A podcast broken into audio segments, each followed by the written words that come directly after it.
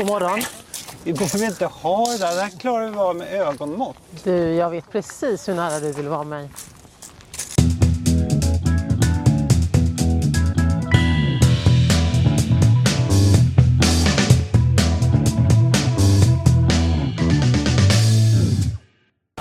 Fastän allt är helt upp och nervänt med alla de karantänregler som nu finns här i Belgien så tycker jag det är svårt att ta in att det här kanske kommer att fortsätta i flera veckor, i kanske månader. Ja, det är jättesvårt. Det är tur att vi än så länge i alla fall får fortsätta vara ute och promenera och, och springa i parkerna. Ja, men inte sitta på bänkar. Så måste hålla avstånd. Ja.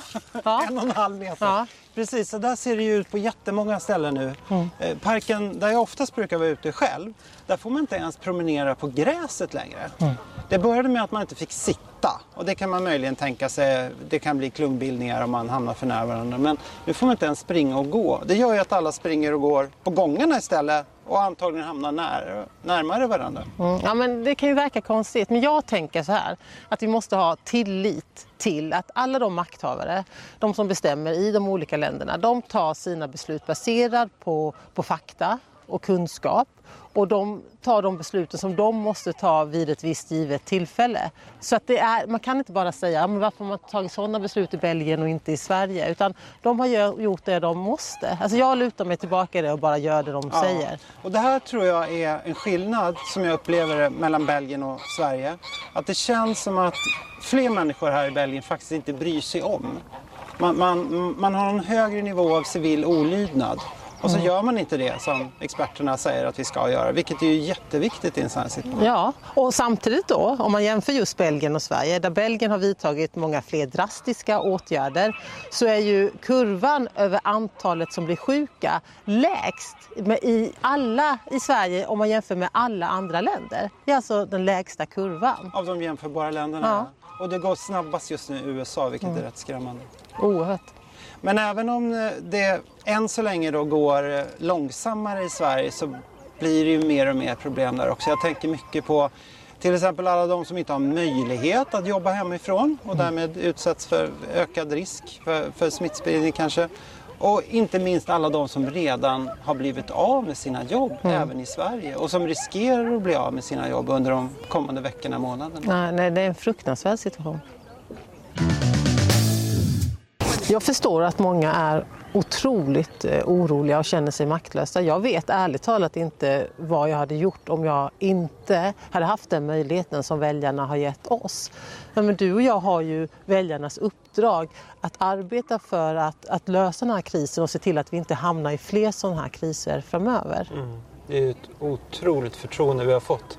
Och även om inte vi kommer in på parlamentet som, som tidigare så rullar ju allting på. Det är ju enormt mycket långa telefon och videomöten varje dag.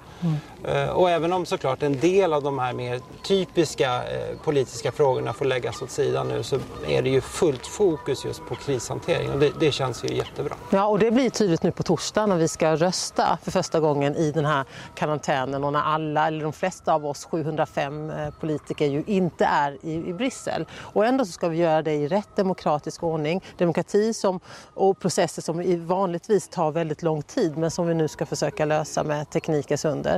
Eh, och det känns, ju, det känns ju bra att vi fortsätter även i den mest mörka av situationer. Men Alice, en, en fin sak som händer här i Bryssel just nu tycker jag, det, det är den här klockan åtta varje kväll att folk ställer sig och applåderar på balkonger och öppnar fönstren för att hylla inte minst alla inom sjukvården men andra också som ser till att samhället trots allt rullar på.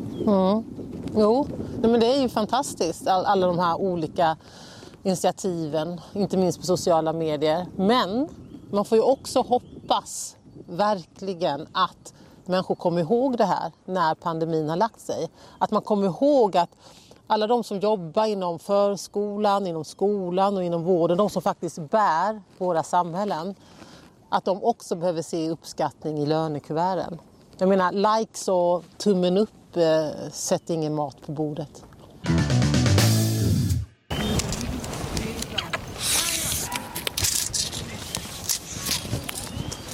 Hej då. Det kanske blir det nya sättet att hälsa på i Belgien. Mm. En och en halv meter. Mm. Vi ses.